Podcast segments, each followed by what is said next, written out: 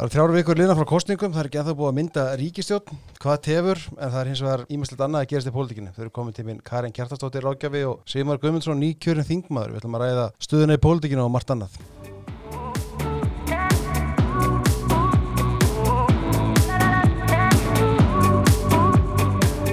Við erum velkomin bæðið tvö.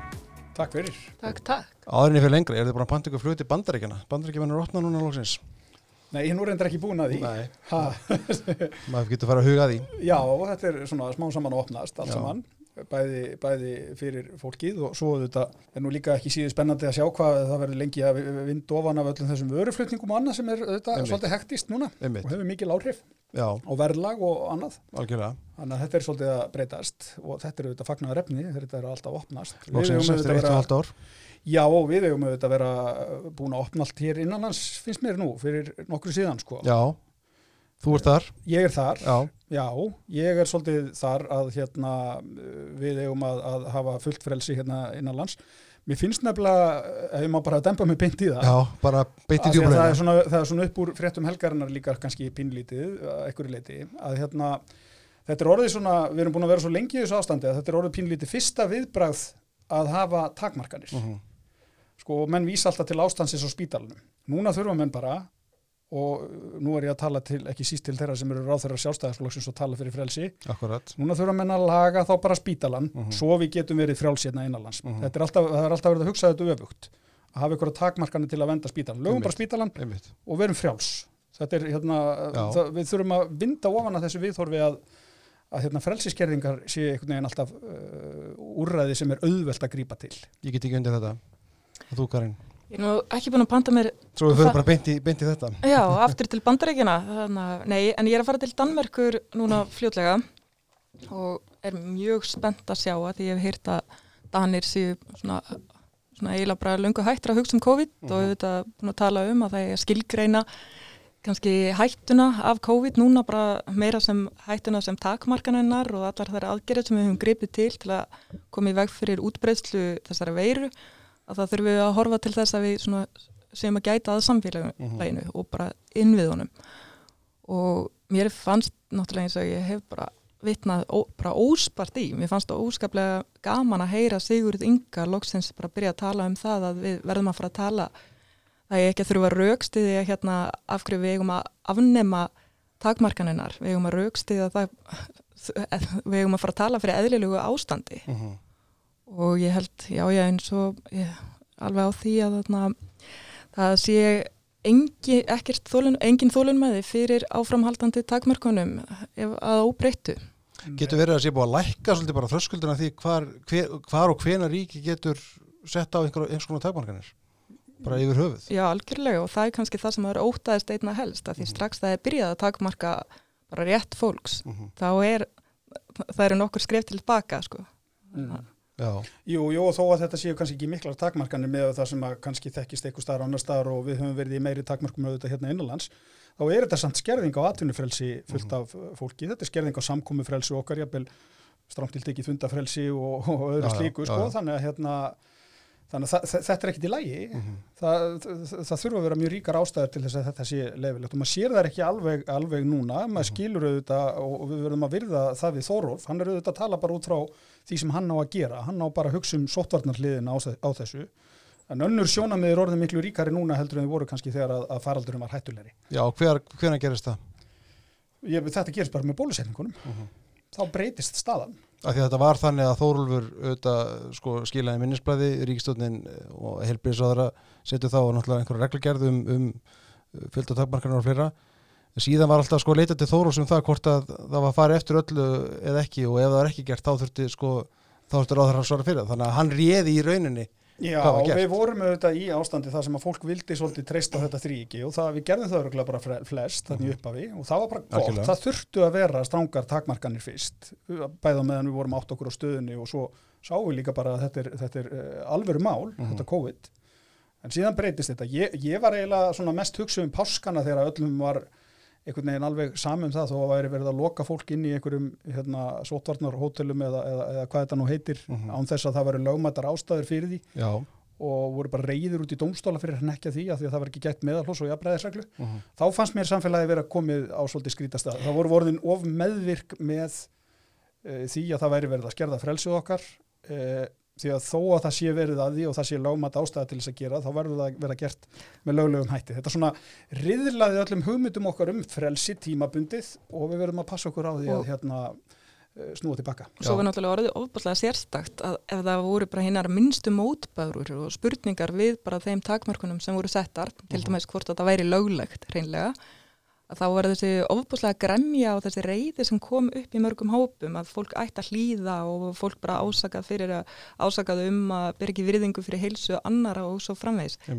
Vinkona mín skrifaði eitthvað bara, bara frekar svona sníðuga svona Facebook færslu um reynslu sína af sótvarnarhótelinu, hún var að koma frá Svíþjóð eftir að hafa heimsótt barnabarnið sitt og það er gerð frétt um þetta með svona sláandi fyrirsögn eins og hún hafi verið að kvarta á kveina en þetta var auðvitað sett allt saman í gaman sem tón en þetta mjög sérstakar aðstæður mm. og sérstakar upplifun og kommentakerfið við, við þessa frétt það var, var svo óheirilega og ógeðslegt og bara það sem hún var ekki sökuð um það var bara fátt Við vorum svolítið þarna, það mátti, ekki, það mátti fyrstulega ekki spyrja spurninga og alls, auðvitað alls ekki gera grín sko. Nei, nei Nei, fólk var líka sko, ég ætla nú alveg samt að skilja þetta upp á vissu leiti, það var náttúrulega margt fólk sem var bara hrætt, uh -huh.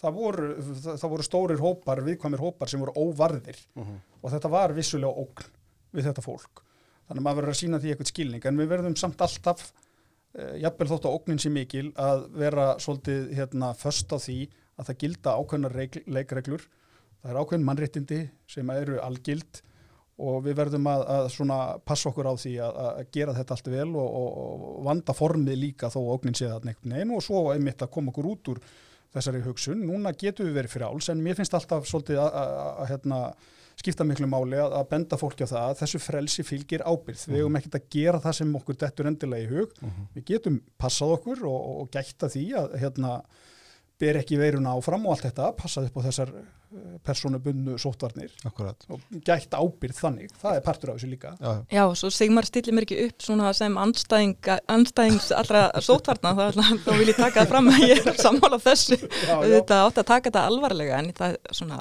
Jó, en ég bara teka það aftur fram að mér fannst vanta svona aðeins heilbreyða umræðu stundum í þetta að það mætti kannski spyrja fleiri spurninga og, uh -huh. og svona. En já, Íslandingar eru virkilega góður í samstöðu, það eru við. Já, já, en hérna við erum komin út úr þessu svona mestu leiti núna en síðan auðvitað kannski getur eitthvað gerst sem að gera það verkum að við þurfum að spóla tilbaka og það þurfum við bara að taka þá umræðu. Já, já, en þá þarf hún líka að vera... Er, það með ógnin er ekki þannig í dag Alls og spítalinn er ekki þannig í dag mm. og allir þessir innviður okkar að mm. við getum ekki leift fólki að, að, að vinna og, hérna, hafa, og búa við þessi mannréttindi sem að eiga að vera algild. Nei, nei, og eins og þið voru að benda á sko, ég meina það, það, það, það að spurja um sko réttmæti aðgerða er alltaf valit. Veist, við meðum aldrei gleyma því heldur. Það þarf alltaf að vera... Ná, nákvæmlega og það að spurja því er ekki endilega að menn séu að leggja það til að ykkur er hópar degi uh -huh. eins og var eiginlega bara bílvítið stundu þannig. Já, já. Þetta var, þetta var erfið tímabil en, en ég vil undistrykka það, það er að mörguleiti skiljanlega því að það margt fólk, fólk var bara hrætt um lífsitt. Uh -huh.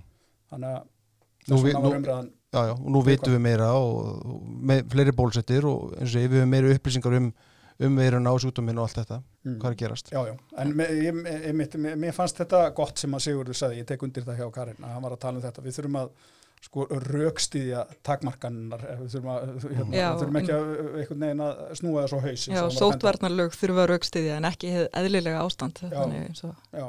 já. En er sko, þetta er, maður myndi segja, er, er Þóruldur búin að missa salin? Er, er það, þetta kannski, það þarf ekki að snúa svo mikið um Þóruldur, en sko, maður sér bara fólki, er, hvað, hvað finnst ykkur, er fólki orðið bara sama einhvern veginn? Veist, þar, þar, sem er, þar sem er valum grímuskyldu, þar eru flestir ekki með grímu, bara svo dæmis eitt ekkið. Mm. Fólk fer á mm. fókbaltaleiki, fólk fer í, í, í hérna, fólk er farið að fara í brúköp og vestluður og Ég held að sko, þú veist, við viljum öll fara eftir og eigum öll að fara eftir reglum og, og lögum en ef að fólki finnst reglur ekki meika neitt sens mhm. -huh. þá kannski molnar undan þessum reglum uh mhm. Og við erum kannski í pínlítið þar, fólk sér ekki alveg að það sé ástæði til þess að vera með þessa takmarkanir lengur og þá kannski umgöngustuða það þannig sem er líka hættulegt því að við, eins og ég var að segja þá, við þurfum að gæta okkar. -huh. En ef við, missa sali, ég, ég veit ekki, ég ég hlust alltaf eftir því sem að Þórólur hefur uh, að segja og ég held að Mm. við gerum það nú, það nú flest sko. en, en, og hann svo sem hefur alveg talað fyrir því líka er það ekki að það megi nú eitthvað, eitthvað breyta núna og það, þetta er allt svona að skýrast bara þessa dagana Já, þetta hefur náttúrulega sérst svo mikið hvaða vald Þórólfur hefur haft og hvaða virðingu við höfum borið fyrir hans ráðgjöf og að fréttirnar hafa meira, sko, meira og minna snúist um það að nýtt minnisblad sé á leiðinni frá Þórólfi Einmitt. og þannig að bara minnisbladið sjálft er bara því.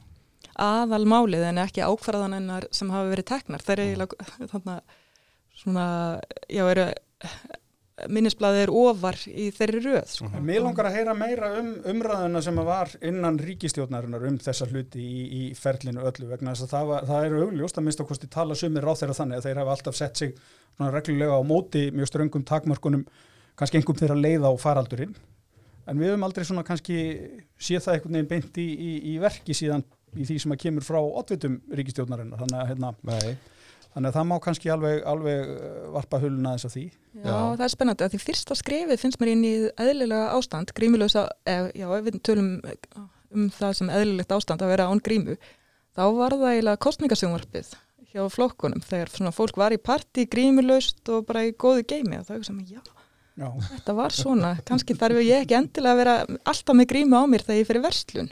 já, já. En þetta er rétt, ég meina, sko, ráþeirar, ein, einstakar ráþeirar hafa gaggrínt uh, þetta ferli og gaggrínt þær reglur sem hafa verið gildi eða allan að efast um þar. Uh, fólk verður svona hafa gett sín svolítið að því að vera ekki að gaggrina þær mikið út af við, en það hafa vissulega áttu stað, uh, ég segi nú ekki átök, en, en viðra, umræður inn, innan ríkistöndan um þetta. Jú, jú, og ég, þú veist, auðvitað verður maður líka að vera skilningsríkur og, og hérna, það er, það er örgulega líka farið fram þetta mat innan stjórnarinnar þá um að það sem er þið ákveðið, menn er þið að vera svolítið á bakviða til þess að mólna það gundan þá samstöðunni, sa- samstöðunni, sko, en hérna, það verður samt, fórhaldlegt að fá að vita meir um þetta, Já, hversu, hversu mikið eh, tekist á um þetta inn í, inn í vissulega. í gegnum faraldurinn allan. Talandi um þessa stjórn, Já, sem að nú situr ennþá við völd, það eru konar þrjár vikur frá kostningum uh, og það er ekki búið að mynda nýja ríkistjórn eða nýjan stjórnamirluta hvað veldur? Þið með eitthvað skýringar á því? Hvað tekur svo langa tíma? Nei, ég, sko, mér finnst þetta svolítið merkilegt ferli, það eru komna rúmar þrjárvíkur uh, og þau halda þessu mjög þétt að sér, leiðtóðarnir og þetta virðist ekki vera til umræðu í, í einhverju svona stærra mengi innan flokkana, Uh -huh.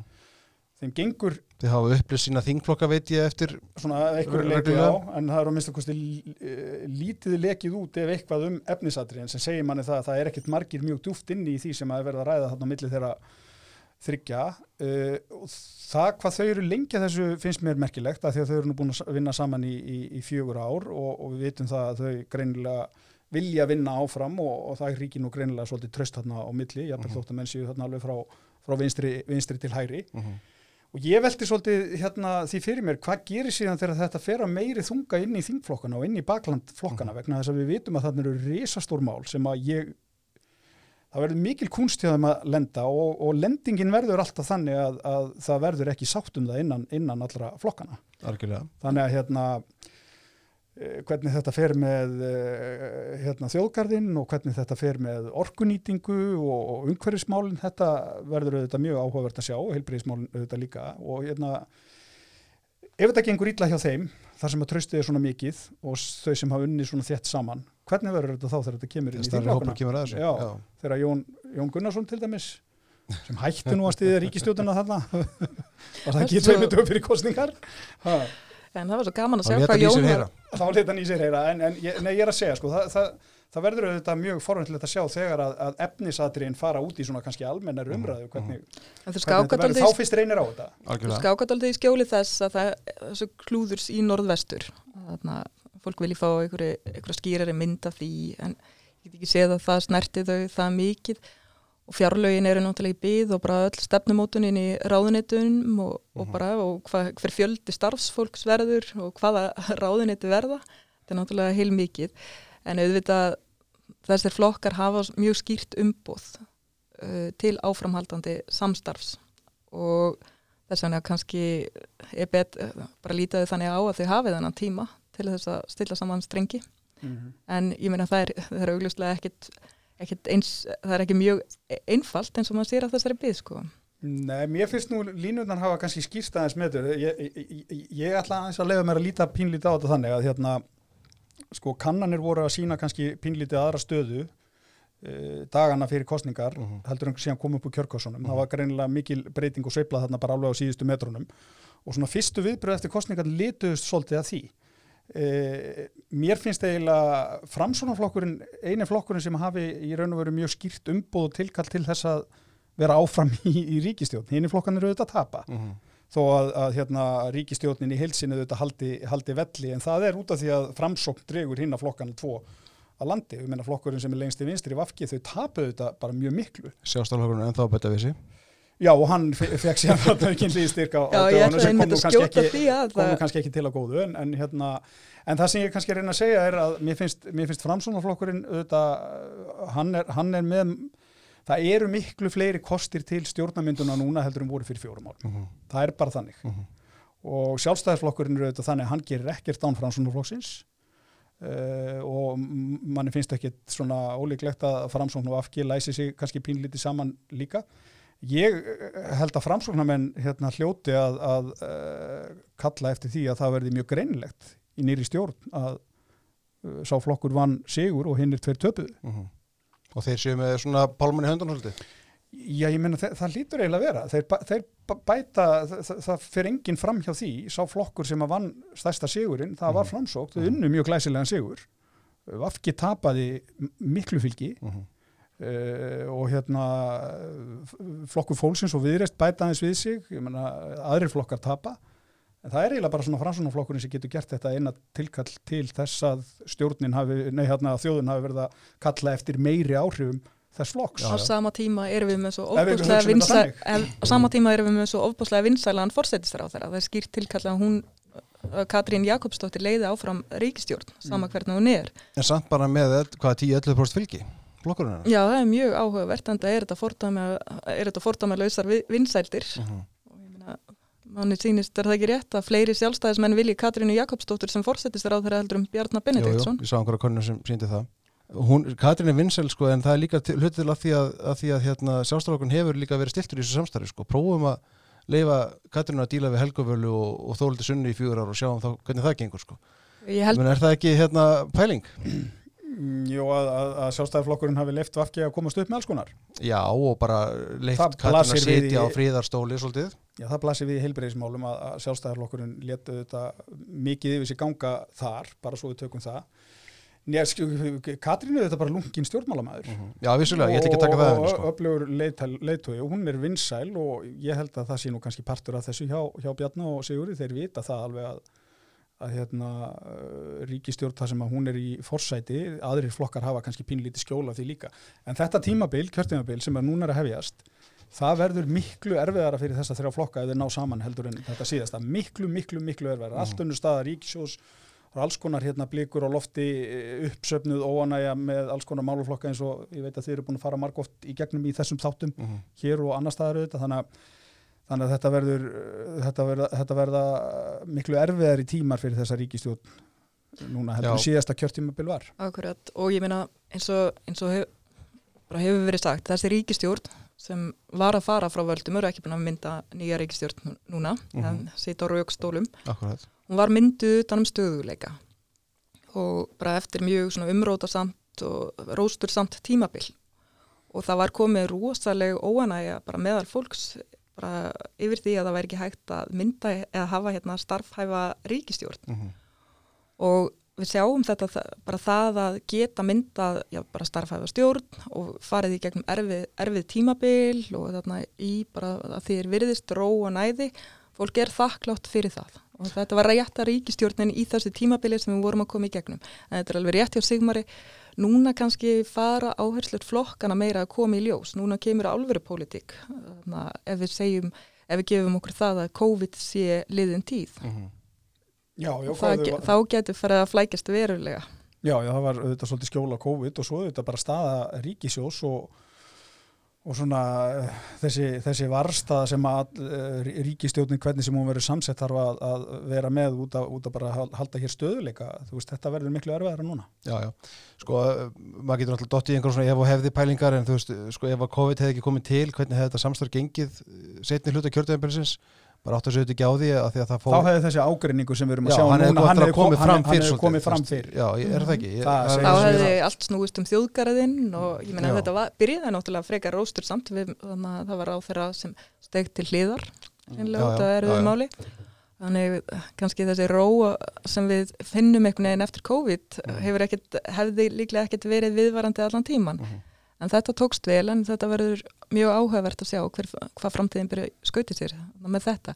En ég bara því við nefndum Jón Gunnarsson hérna, ég er búin að vera að reyna að koma að skjóta þessu að, mér var svo fallegt að sjá hvað Jón var að úskapla gladur við með nýjan liðsmann inn í sjálfstæðisflokknum. Og þá komum við inn í svona fleiri flækjur en bara rí- milli ríkistjórnaflokkana bara hvað þarna sjálfstæðisflokkurinn getur inniborðið margar skoðanir og, og haldið rósinni svona utanfrá. Já, já, sjálfstæðarokkurinn er breið fylking. Það er hérna Já, það er svona svolítið spurning hversu breið breiðfylging getur orðið. Mm. Já, já, en þe- þe- þetta er vissulega þetta er, þetta er vissulega rétt og rétt á, ábending.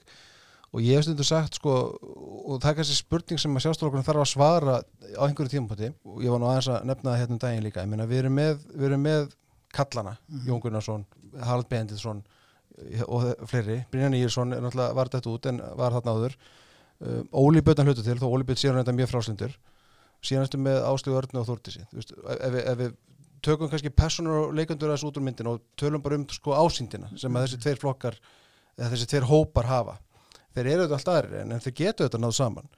En vissulega hefur þú veist viðrist reynda að höfða til ákveðins hóp sem að kannski Þórtís og Áslög höfða meira til heldur en kallarnir mm. og svo framvegis uh, Sigmundur Davi hefur reynda að ná til hóp sem að kallarnir hafa ná til en, en ekki þær Mm. Veist, þe- þe- þetta er auðvitað bara veist, það sem að flokkurinn er að díla við en, en getur flokkur verið flokkur allra ég veit það ekki Nei, það er sko, ef við tökum Svo ég bið ykkur nú um að Já, skilgreina ég- ætla svo sem ekki að hætta með djúft ofan í það, en það blasir auðvitað við að sjálfstæðiflokkurinn, þú getur alveg teiknað hann upp sem tvo flokka. mm -hmm. Það er annars vegar svona mikill íhaldsflokkur Mhm.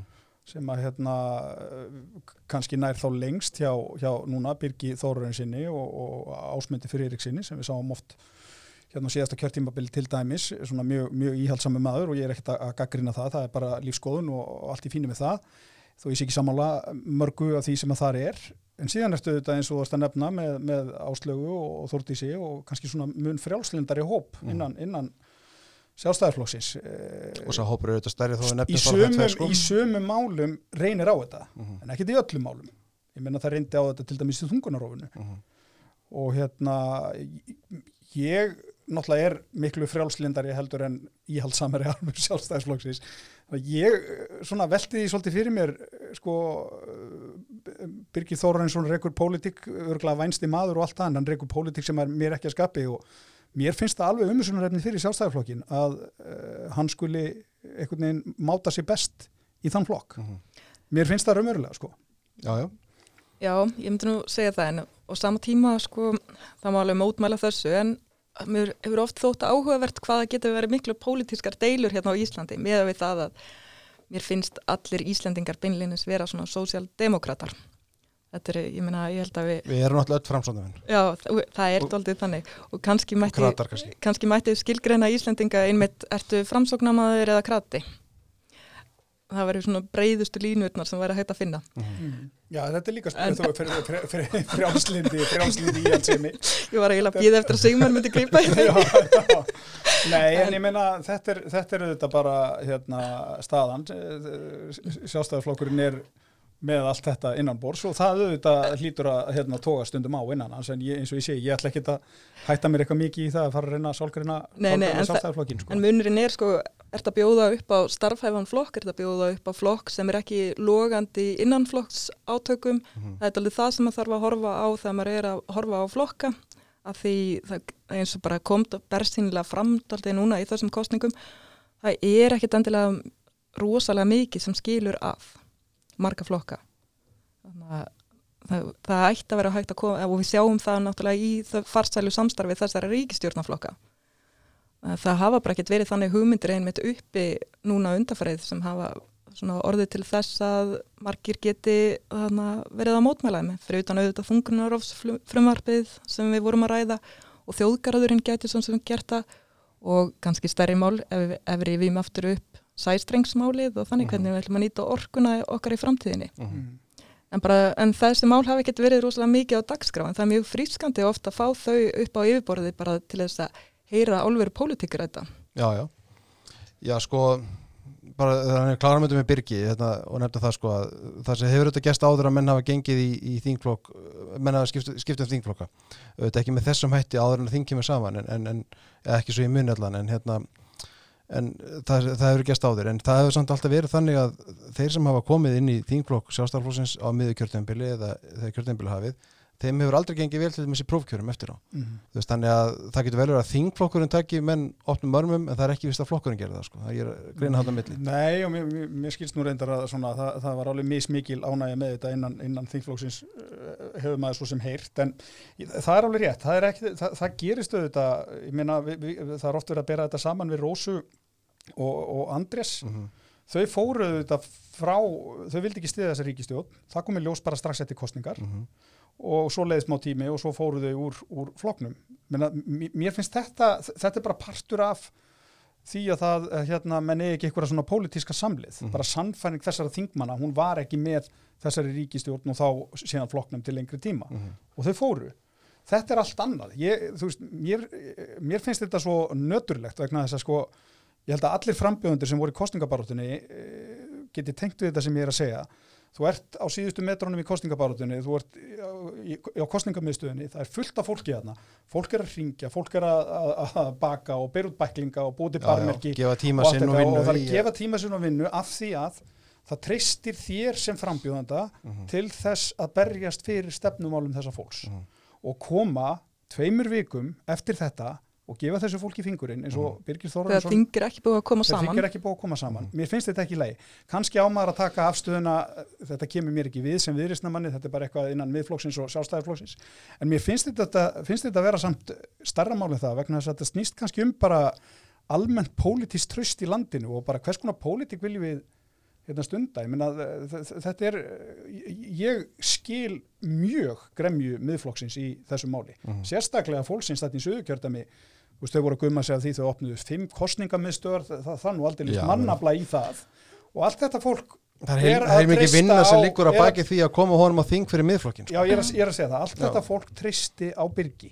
Og við sjáum, Birgir var þeirra maður, hann á að vera okkar fulltrúi hugsaði þetta fólk Mhm. á þingi og hann gerir þetta síðan bara strax eftir, eftir, Og eftir kostninga. skýringin Mér finnst sem- það ekki læg. og skýringin sem hann gefur fyrir þessum vistaskiptum eru, eru þryggjára gamlar um að honum hafi mist líka klustursmálum, það hefur ekki teirt hann fara neitt dýbra í það, sem segir manni þá bara að hann treysti sér ekki að bjóða sér fram fyrir annan flokk, sjálfstæðisflokkin, hann bara treysti sér greinilega sá það, hann myndi ekki n- bara fá framgang í þeim flokki og nýtir sér þá eins og nýtir sér þá annan flokk til að koma að stað.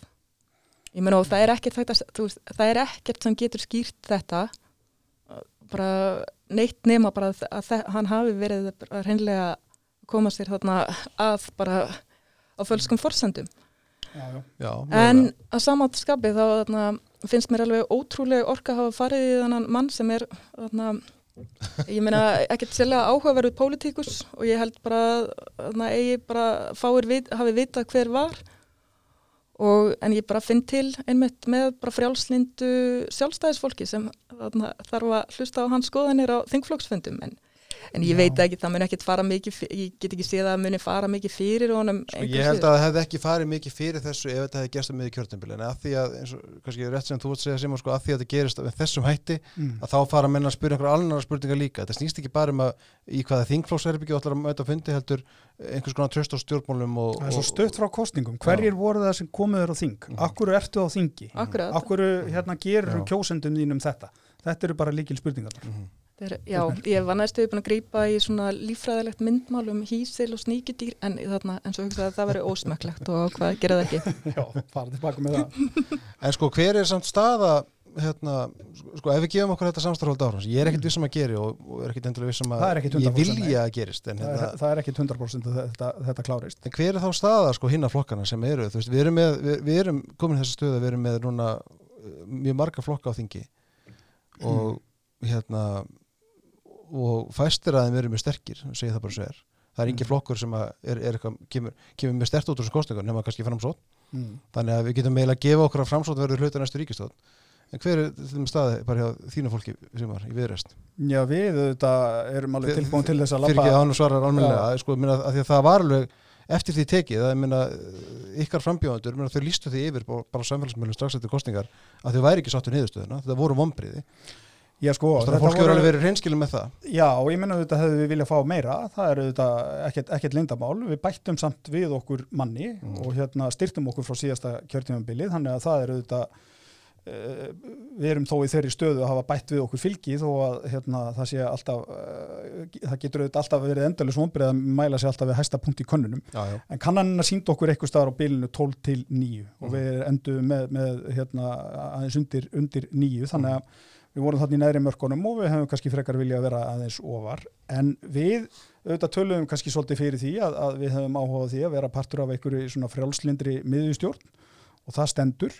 Og ef að slitnar upp úr í þessu, þessum viðræðum að þá eru bara þó nokkur möguleikar uppi til hægri inn á miðjunni og einhver miðju, miðju vinstri stjórn. Þannig að hérna það eru alls konar boltar á loftu ég held að flokkarnir séu nú allir búin að átta sig á þeirri stöðu að, að hérna og ég held að það sé engin ykkur yfirgengilu sko, menn með ekki festast í þessari hugsun að það sé eitthvað rosalega mikið flóknara að mynda þryggja flokkastjórn heldur en fjóra flokkastjórn eða eitthvað þannig þegar eins og, eins og Karvar nefna hérna áðan, það eru þetta margt sem að er sameigilegt með mörgum flokkum og allt þetta Mhm. og þegar við erum með svona marga flokka og fjölflokka stjórnir og þá hljótu við auðvitað að þurfa að mynda ríkistjórnir kannski utanum ákveðna hluti en ekki ætla að fara í öll mögulegu mál og breyta öllu mm. kannski uh, stjórnarsáttmálinni þurfa að vera pínlítið selektívari. Já. það er kannski bara partur af þessu. og ég menna, þú veist, þetta er, þe- þe- þetta er bara nýr pólitísku veruleiki og hann er ekki bara íslenskur. Mhm. þetta, er, þetta á sér stað víðar.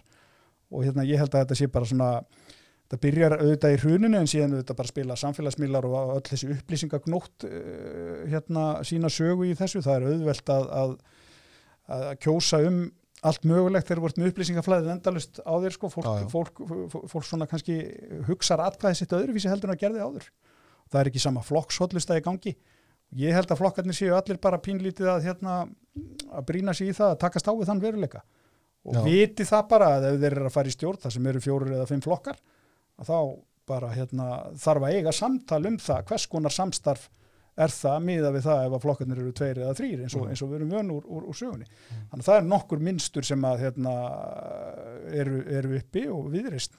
Ég Það er alveg að þú- ert að tala- vilja tala þinn í virðaður við auðvitað myndum taka þátt í viðræðum ef, ef að það opnast á eitthvað slíkt. Mhm. bara til þess erum við í pólitík, við viljum hafa áhrif. Við erum auðvitað með stefnumál sem við viljum hérna koma á framfæri og gætum það hæglega inn í í, hérna ímsum ríkisjöldnaminstrum Mhm. þannig að hérna en þetta auðvitað bara eru svo sem pælingar út í loftið á meðan að þessi þrý flokkar er að vinna, uh, vinna því að reyna að mynda stjórn. Já, af hverju er fólk ekki að reyna af hverju er, er viðrist ekki búið að klukka framsónd og sjálfstarkinu og segja bara, herðu, hætti þessu rugli, komið bara með okkur. Ég, þú náttúrulega veist ekkit um það hverjir eru búin að klukka hverja í, í öllum þessum Já, ég veit að það er búið að vera að reyna að klukka það er bara ekki virkað allan Nei, ég, ég, ég er bara nýr þingmaður og er ekkit í hérna, öruglega ekki fyrsti maður sem eru klukkaður í þessu öllu.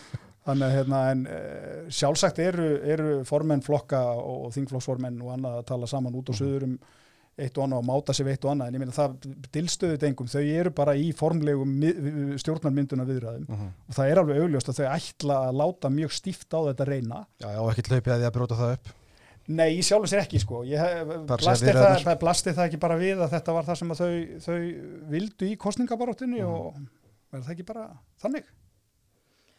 Jú, ég bara, já, ég var orðin svo spennt að hlusta á na, hann Sigmar, bara að reyna að mynda hérna, eða svona tegja sig til framsóknarflokksins að na, Svo spennt að hlusta á ríkistöndum sem, Já, sem já, að mynda ég, var, ég var farin að sjá þetta svo vel fyrir mér að því að það er, það er mjög áhugavert sko að við töluðum um að, að Íslandika væri svona sósjaldemokrater í hugsun svona flestir og svo skip, skipti ég þarna niður í þarna krata og framsókn en í rauninni kannski doldið ósangjart að setja framsókn mjög svona langt svona íhaldsmegin að því þeir eru náttúrulega búin að vera að tegja sig mjög stertinn á miðju, vera að halda á lofti svona merkjum félagshyggju og, og bara góðs velferðarkerfis Mhm. en samt auðvitað í samstarfi við atvinnulífið eiginlega það sem bara krataflokkar flestir gera og, og ég held að þeir hafi nú bara verið að ná mikið til kjósanda inn á miðjunni hvort sem eru viðreist samfélkingar fólk og, og alveg vita hvað þeir voru að gera í þeim efnum. Mm -hmm.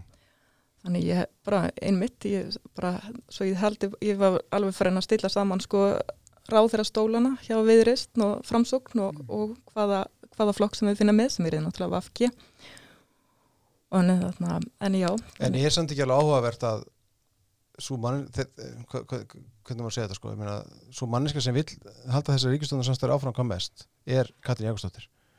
Annars væri hún byrjað að tala við hérna vinsturflokkana. Menna það er hún sem vil þetta, meira heldur en heldur en heldur Bjarnar og Sigurður. Ríkir greinlega bara mjög mikið tröst á milli hennar og Bjarnar, maður hefur séð það bara allan tíman uh -huh. í þessu samstarfi og Sigurður... En samkvæmt hennar hugmyndafræði ætti hún að vera að tala við samfélkingu til dæmis? Já, þetta eru náttúrulega flokkarnir sem að margir segja séu lengst til hæru og lengst til vinstri uh -huh. á, á, á þingi uh -huh. sem er að tala þarna saman og, og, og svo núna mun sterkari... Og samfélkinginu sjálf búin að skilgjörna sér til vinstri við VFG í dag? Já, ykkur eru þeirra að mista kosti og hérna, en, þú veist, þetta er svo sem alltaf bara matsatriði fram og tilbaka uh, en, en það sem að það var alveg hægt að sjá þetta fyrir að þetta myndi að ykkur leiti gerast að þegar að þú ert með ríkistjótt sem að tekur uh, sem sagt, uh, vinstrið hægrið með þessum hætti, þess, í kannum þess að tvo flokka og svo er þetta með miðjuflokk sem er framsórnaðinni að það væru mikil sóknanfæri fyrir miðjuflokkin einmitt þegar að, að, að kemur á kostningum sko, mm. sem að síðan, síðan reyndist vera. En hérna sko, ég það er alveg þó nokkrir möguleikar í bóði eini möguleik í sjálfstæðiflokksins sínist manni er samt að vera með framsókn að einhverju leiti uh, og ef það verður myndið eitthvað stjórn til vinstriðin á miðju og þá er svo sem ekki dólíklegt að ætla framsókn og vafki verði bæði partur af því. Mm -hmm. þannig er bara landsleið mm -hmm. og þá komum við aftur af því sko, það var ekki mikil hugmyndafræði, ekki flókin hugmyndafræði sem var haldið á lofti fyrir þessar kostningar og þeir flokkar sem kannski fengu hvað mestan sigur uh, voru flokkur fólk sem sögðu þetta á framsókn. Og það er flokkar sem voru ekki að tala um tæki til að því, ég meina, ný stjórnarskrá inganga í Evropasambandið, upptaka Evru, þetta eru mhm. tæki að markmiðum uh mhm. -huh. og, að, og í rauninni bara aðferðafræði en hinn fóru bara beint í markmiði, við viljum hérna réttlátt samfélag, við viljum hérna enga byltingu, við viljum bara gott og notalega stemningu, góða og mhm. notalega stemningu. Það geta ábyggilega einhverjir og, og með réttu gaggrind þessa aðferð að það sé ekki nægur svona hugmyndafræðilegur grunnur sem þarna byggi þarna að þessu markmiði og svo framvegs en við sjáum bara að þetta virkar vel og það, þetta og þetta var það sem bara fór vel í kjósendur. Jájá, algjörlega. En það er sko ég veldi hann upp hérna við vorum með pælingu sko nú var morgunblæði með fréttaskynningu síðustu um, um, um, um samfélkinguna og svo, hvernig staðin er þar um að Dagar Loga Einarsson varu þeim færi fekkandi í formastól ég hef sagt hér að það er engin, hefur engin flokku verið duglegri við að slátra sinni með í leitumhundur en samfélkingin er, er það er, er einhverja brína hníman á þar? Þetta er aldrei langt í næsta aðalfund hjá samfélkingunni ég held að það sést á dagskrá í november 2022 og segjum þá að það þarf eitthvað mikið að gerast til þess að lo, lo, bólað frá fyrir þann tíma uh mhm. -huh. en segjum svo að stöðningsmenn uh, stöðningsmenn eitthvað sem þykir frambærilegri viljið það og ég hugsa þá að Kristrún sé ofalega bladi eh, svona, eða ég veit alveg að Kristrún er þá ofalega bladi sem svona næsta leðtóga efni mhm. -huh. samfélkingareinar þá væri það alveg óskaplega mikið eða er mjög brætt og mjög erfitt fyrir hana þannig ég veit ekki hversu físilegt það væri mhm. -huh. að fara, hún er bara hún er, þingir, sagt, hún er bara nýk komin á þing, hefur ekki öðlast mikla reynslu við sjáum það alveg að Katrín Jakobsdóttir og Bjarni Benediktsson og sem eru núna mjög ábrandi flinkir leiðtógar, flinkt ræðufólk ég get alveg talið fleiri upp hér en þannig að þetta er fólk sem kom ekkert fullskapað inn í pólitík kom ekki fullskapað sem leiðtógi það fekk langan tíma til að vaksa og þróskast í sínu hlutverki. Þannig ég veit ekki hversu mikill greiði Kristrúnu erið gerður frábær, eða svona frambærilegu pólitíks og hún er bara strax bara kom mjög fullt sköpu til leiks, ég hef ekki að draga úr því. En ég held að na, það væri ég, ég óttast að það er henni, að, að henni ekki til heilla að taka við þessu svona bratt. En, en heldur það til dæmis þú... en ég held ekkert að loga verði bólað frá fyrir hennar landsfundi. en sko hvað sko aðeins verðandi Kristrúnu, því að þú nefnir hana ég meina, það kemur upp þetta mál með kauprætta samningana sem að Mhm. fekja kveiku sem er raunin ekkert mál veist, er, hérna, en viðbröð hennar við málinu voru ákveðin svona próstinn á það hvernig maður nálgast pólitík og, og viðbröð í samtölum við fjölmjöla og fleira. Fjallum á þessu prófi, nú að þið bæðist starfa fjölmjölum og, Já, ég sem fyrirverandi blaðamaður ef ég fæði aðeins að halda áfram þá fannst mér þetta náttúrulega ég kunni ekki að meta þessi svör og ég minna að því mér sýndist hún ekki þurfa að fela neitt. Uh þá fannst mér þetta bara svona ekki ekki nægilega vel tæklað. Ég verði eiginlega viðkynna það og af hverju hún setur sig í svona varnarstöðu út af ekki neinu. Mhm. greinilegt að, að, að viðskiptablaði fór mjög í taugarna á henni, eflust bara með réttu. Fjölmjöla fólki getur bara oft farið í taugarnar á fólki og við vitum það alveg en, en ég minna mér fannst þetta bara leiðilegt að því mér fannst ekkert í þessu máli. Já, ég hérna svo sem ætla hérna líka tala varlega um innanflóksmál samfélkingarinn eins og sjálfstæðarflóksins en sko Kristrún Frostadóttir auðvitað kom inn í þessa kostningabarótu gríðarlega sterk og það var eh, alveg augljóst að hérna samfélkingarfólk tók henni opnum örmum. Og þú hún, sterk? og, og hún, bara, hún uh, tók svolítið svið í, Mhm. í, í, í, og henn, það var ítt mjög undir hana í kostningabarótu samfélkingarinnar, það blasir það ekki bara við. Jú, jú. og hérna hún var mjög ábyrrandi og, og svo kom þetta málu upp. Mér fannst svona, mér fannst hún vera svolítið kvöss í svörum hérna í upphafi en ég lasa nú líka pínlítið þannig að það var nú einhver aðdraðand að þessu í gegnum önnur mál líka, einhver fyrri samskipti hennar við uh, viðskiptablaðið þegar við erum að, að tala um það. nafnlösa písla viðskiptablasins svona í gegnum tíðina. Já og, og sko ég svo sem fylgdist ekkert eitthvað náið með því og þekki það ekkert alveg út í hörgul. Ég, mér fannst hún alveg pínu kvössi í, í svörum. En sko þú segir að þetta sé ekkert mál ég get alveg ímyndað mér að, að vinstra megin í tilverunni sé þetta kannski aðeins meira mál heldur en hægra megin í tilverunni já, það held ég og og þar er að leiðandi er þetta, Samfylkingunni. fólk í við, viðkvæmara mál í samfélkingunni eða vafki Mhm. heldur en það væri kannski í sjálfstæðarfloknum eða mögulega viðreist Mhm. og, og svona og ég tek það fram að ég þekki nú ekki persónulegu fjármál Kristunar neitt í, í, í, í, í hörgul til þess að geta eitthvað tjá mig um það sko en, en, en ég veit hins vegar ekki hversu mikil eh, áhrif þetta mál hafði í kostningabarátunni sjálfur mér finnst svo erfitt að lesa í þetta. Fólk er með alls konar skýringar á því okkur gerist þetta og hvað áhrif hafði þetta og, og, og hérna hafði þetta ekki rosalega mikið áhrif en mér finnst svo erfitt að, að lesa í það allt sko. Já, þetta hafði allan að þau áhrif að hún var lít sínileg í fjölmjölum síðustu vikuna. Hún var í sínileg auðlýsingum en hún kom ekki fram í, hérna, hún, hún var ekki í spjalláttum eða ekki á fundum og Nei, svo, Svo sem það var út af þessu máli eða ekki, svo, ég veit svo, ekki, Svo, svo er það nú annað, annað sem var að hérna í síðustu vikunni var þetta auðvitað þannig og það er alveg umhersunarefni bara almennt sem að bæði kannski helgast að því að það verða að kjósa að hausti og svo líka að eh, fjölmiðlar stiltu þessu svolítið upp þannig að, að það voru eiginlega bara leiðtóðarnir sem áttu sviðið Mhm. síðustu vikunar, aðrir frambjöndur komist lítið að í þáttum og annað, það voru leiðtóða umræður auðvitað og fórustu sætið á rúf og það að sem var á, á stöðu 2 þannig að kannski óhjákvæmilega breytist síðasta vikan hvort þið er Já, þannig sko. Þannig ég veit ekki hvort að þetta mál ennar Kristúna hafi haft einhver áhrif uh, þar á. En, en uh, hvort að logi verði áfram eða einhver annar taki við ég treysti Já, mér ekki, En ég um það. bara að spóla tilbaka að því ég held sko, ég held að samfélkingar fólk hljóti að sjá að bara logi hefur, hann hefur haldið ró í þessum manns, hjá þessum mannskap Mhm. eins og þú bentir á þá hefur samfélkingar fólk hins vegar verið mjög duglegt að slátra sínum eigin leiðtóum og það er auðvitað þess vegna sem þessi spurning kemur strax á dagskrá. Mhm. en ég sé svona út, fyrir utan þá sé ég ekkert sem bendir til þess að ykkur hafi áhuga á að fara gegn loga eða koma honum úr sæti. Mhm. Já.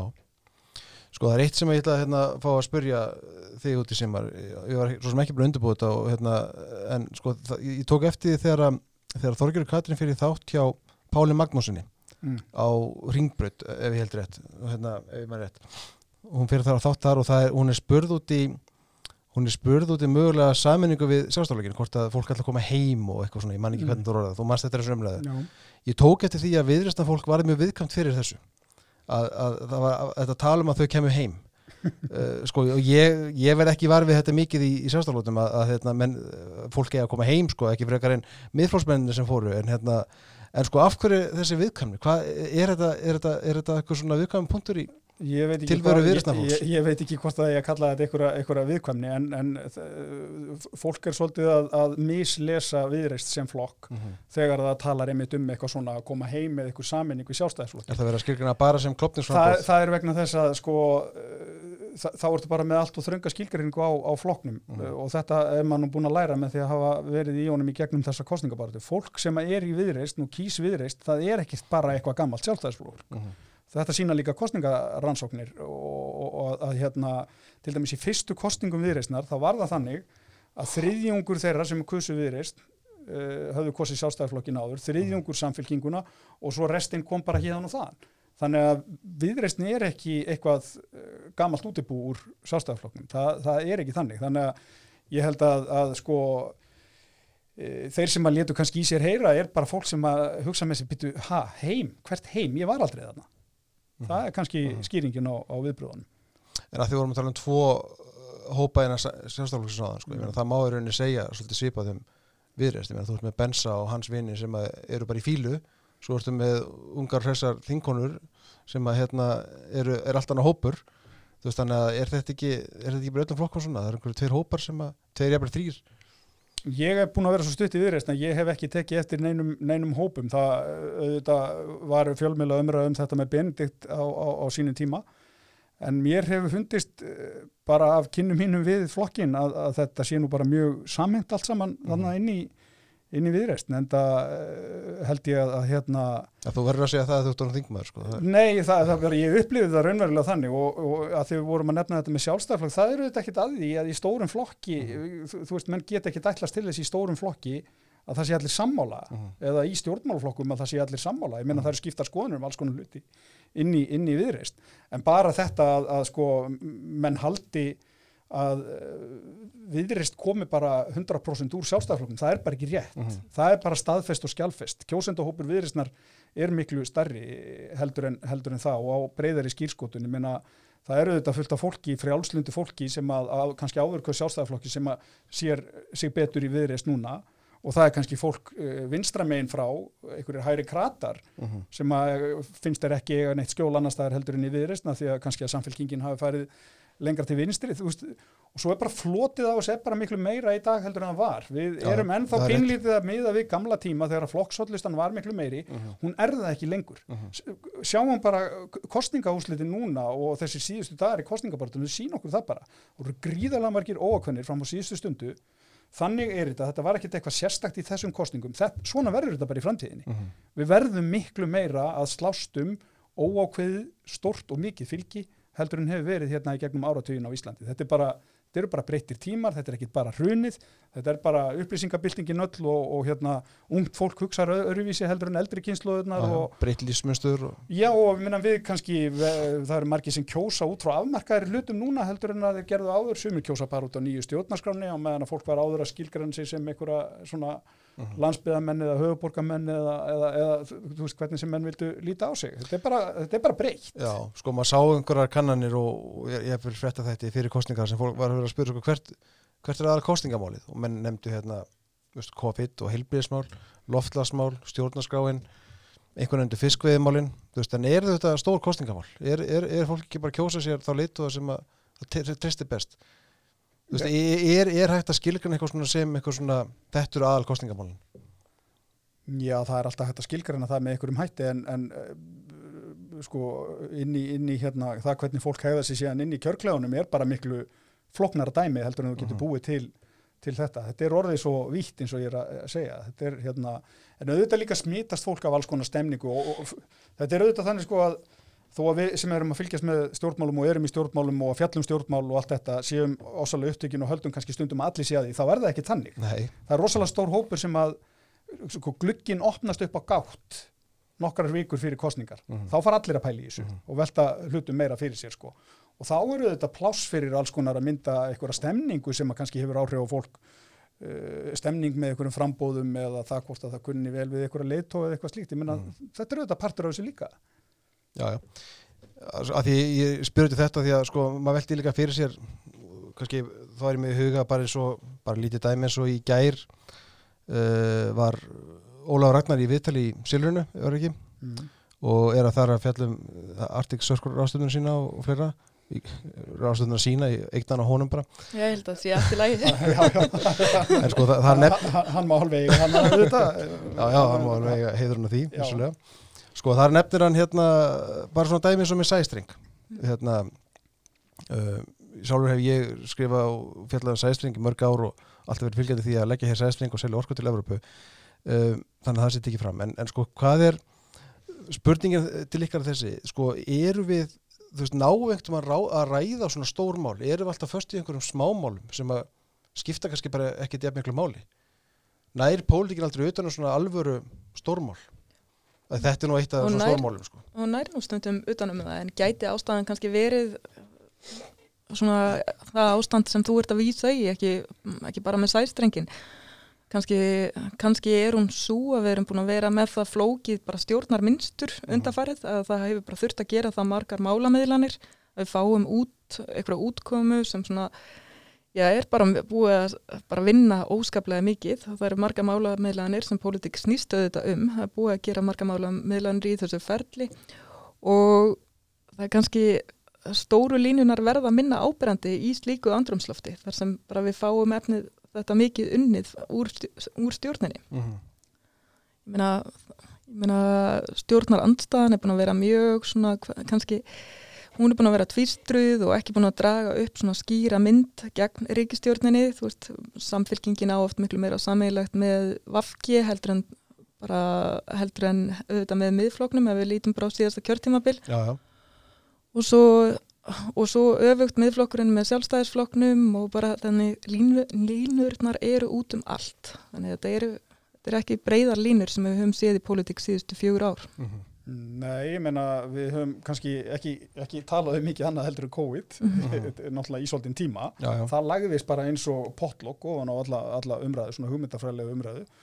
Uh, það, sko, og nú erum við líka, ég menna eins og menn hafa nú ég, talað um er kosið um, þú varst að nefna þetta, það var kosið um eitthvað, það er alveg augljóst á öllu umhverfismálin voru að minnst að kosti mjög áberandi í kostningabaróttinni, hversu, hversu djúft svo sem menn uh, og margir auðvitað sem kjósa út frá því og núna er, er það ekki umræðan bara um þessa hreinu grænu orku sem við eigum, hún er á allt öðrum stað heldur hún var kannski fyrir 15-20 árum. Mm. menn er að, að, að vakna menn meira til vitundar um það að, að hérna að svona þetta getur verið eitthvað svona tæki í, í umhverfismálunum og lofslagsmálunum og því öllu sko. Þannig að ég... mér finnst það nú bara fínt að Ólafur nefni þetta með sæstrengin. Það eru þetta eitthvað sem við þurfum að ræða bara fordómalöst, hvernig við ætlum að nýta þess orku, uh -huh. eigum að nýta hana til verðmættasköpuna bara hér innanlands, eða eigum að flytja hana út, kemur þrýstingur að hann var nú nefna þetta með Grænland, að uh -huh. hvort að grænlendingar uh, myndu vilja leggja streng hér í gegnum ja. okkur og, og þrýstingurinn kemur þaðan. Ég menna, svo er annað í þessu, eh, er vilji til þess eh, til dæmis ef við færum að selja orku uh, til Európu uh, hvernig er hún verðlögð með það hvernig við verðlögjum hana þegar við erum að selja hana til stóra versmiða hérna,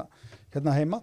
Veist, við verðum að taka þess umræði bara mjög fordómalust en við, þó við eigum rosalega mikið af grætni orku og, og, og mikið af hérna, það verður hægt að virka hér auðvitað mjög mikið þá megum við auðvitað aldrei missa sjónar á því að, að við eigum auðvitað alveg einstakt land og við getum ekki bara tekið allar sprænur og virkja þær upp í topp. Nei, en það held ég enginn hafi talað fyrir því. Nei, sko. það verður enginn talað fyrir því og við erum auðvitað með hérna svona ákveði verkværi sem á að vera virkt í þessu sem að er ramma áallunin, uh -huh.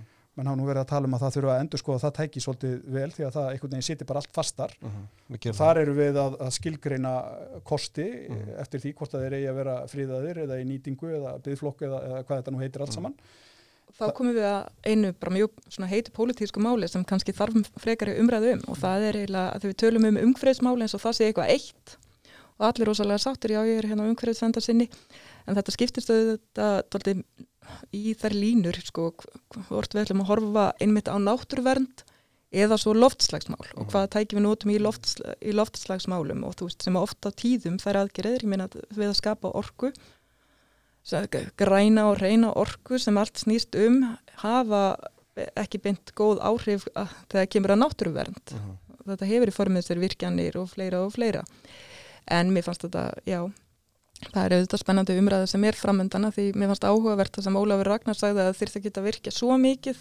hér á Íslandi ef við verum að leggja sæstreng það getur vel verið ef hann er þá aðalega að horfa bara á Grænland það sem er náttúrulega mjög mikil vassaflsorka uh mhm.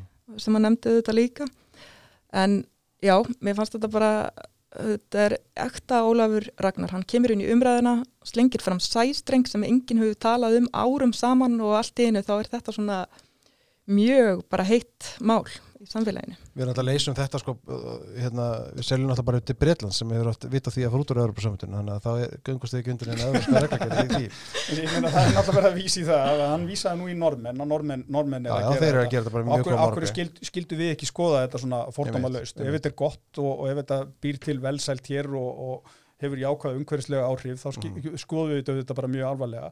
En uh, þ- þ- ég held að, held að hann hafi ekki verið að leggja það til að hér sé bara öll græn orka möguleg nýtt í það að vera að flytja hana um sæstreng eitthvað til útlanda sko. Við viljum auðvitað halda vörðum ásýnd landsins og standa vörðum náttúrupellun okkar því að það er nú heldur betur verðmætti líka Já, já, bæði, því, bæði sjónræn tilfinningarleg og ekki síður líka bara hérna, svona raunveruleg efnaðsleg verðmætti því að fólk kemur hérna auðvitað hingað til þess að skoða hana. akkurat, algjörlega við, Þetta eru bara þættir sem við þurfum einhvern veginn að og þetta þurfa að tvinna einhvern veginn saman. Já, ég er að segja það, það, það þarf að samþætta þetta einhvern veginn og, og ég, ég held að rétta leiðin til að fara inn í þessu umræðu sé ekki að vera einhvern veginn alveg sko brjálaðar á móti þessum kostunum eða hinum Mhm. heldur að við verðum auðvitað svolítið að reyna að hefja okkur upp við það og, Mhm. reyna að skoða þetta bara út frá þeim hagsmunum sem að ég eru í, við eru, í, eru í húfi og það, það eru alls konar hagsmunir. Mhm. fáum ábyggilega ekki aftur upp svona skýrar byrtingamindir, svona ertu stóriðið sinni eða bara anstæðingur virkjana. Þannig að þetta er kannski tími til málamiðlana og svona Já, já. skynnsamlegra umræðu. En Þetta er akkurat eins og þú segir, sko, þetta er,